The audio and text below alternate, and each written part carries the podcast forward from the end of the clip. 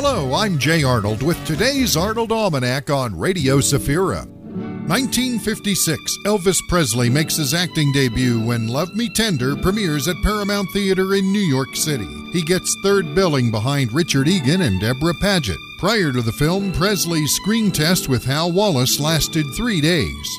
1974, Rod Stewart and the Faces releases their final single, hitting number 12 in Britain. It still holds the record for longest song title to make any chart. You can make me dance, sing, or anything, even take the dog for a walk, mend a fuse, fold away the ironing board, or any other domestic shortcomings. Okay. Oh, by the way, the longest song title to make the American Top 40, not including medley titles, still belongs to Ray Stevens for his 1961 hit. Jeremiah Peabody's poly unsaturated, quick dissolving, fast acting, pleasant tasting, green and purple pills. Jay Arnold. Remember 1980. Lady,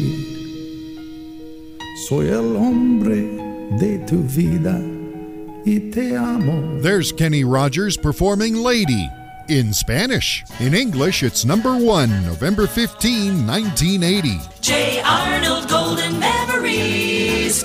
Right here on Radio Safira.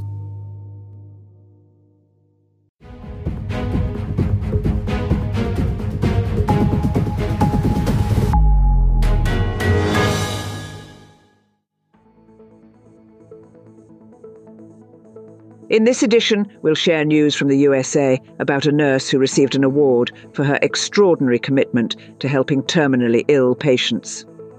Also in America, but due to a decision by the Vatican, a bishop in mysterious circumstances had to retire early.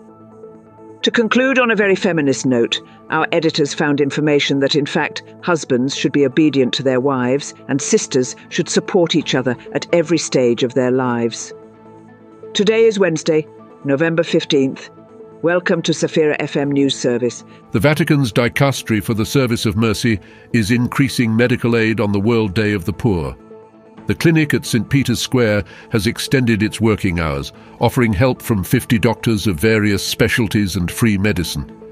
The number of patients has almost doubled. The clinic provides a wide range of medical services and vaccinations. Patients and volunteers will participate in a service with the Pope and a joint dinner for about one and a half thousand needy, mainly homeless people. Pope Francis dismissed conservative Bishop Joseph Strickland of Tyler, Texas, known for criticizing the Pope in the American Catholic Church. This decision, extremely rare for bishops, was made following a Vatican investigation into the management of the Tyler diocese. Usually bishops are given a chance to resign, but this time it was different. Strickland, a bishop for over 10 years and an active social media user, has not commented on the matter. The reasons for the dismissal have not been officially disclosed. Over one and a half million residents of the Gaza Strip have fled their homes due to the conflict between Hamas and Israel. Many people live in overcrowded shelters with limited access to sanitation. Fuel and electricity shortages threaten the operation of hospitals. The Polish Medical Mission and other organizations are providing aid because almost everything is lacking. The conflict has caused the death of about 1,400 Israelis and over 11,000 Palestinians. The World Council of Churches appeals for an immediate ceasefire and the opening of humanitarian corridors in Palestine and Israel, as well as the release of hostages. It emphasizes the need for uninterrupted distribution of humanitarian aid, restoration of electricity and internet services in the Gaza Strip. The organization, representing about 350 churches from over 100 countries, prays for a just peace and respect for human rights. It calls on all parties to the conflict to comply with international humanitarian law. The Seventh day Adventist Church in Artemisa, Cuba, organized a meeting of leaders from various Christian denominations to launch a Bible distribution program supported by the Cuban Bible Society. The program aims to deliver Bibles to families. The Bible Society was officially registered in September this year. The number of Christians in Cuba has doubled over the decade, now accounting for 60% in the 11 million country.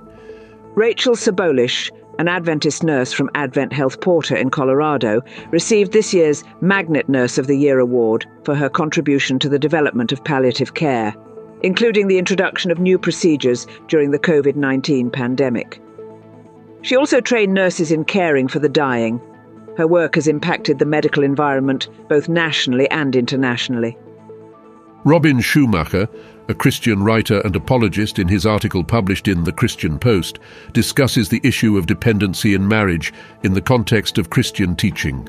He emphasizes that although the Bible commands wives to submit to their husbands' mutual respect and service, modeled on the relationship of Christ with the church, are essential.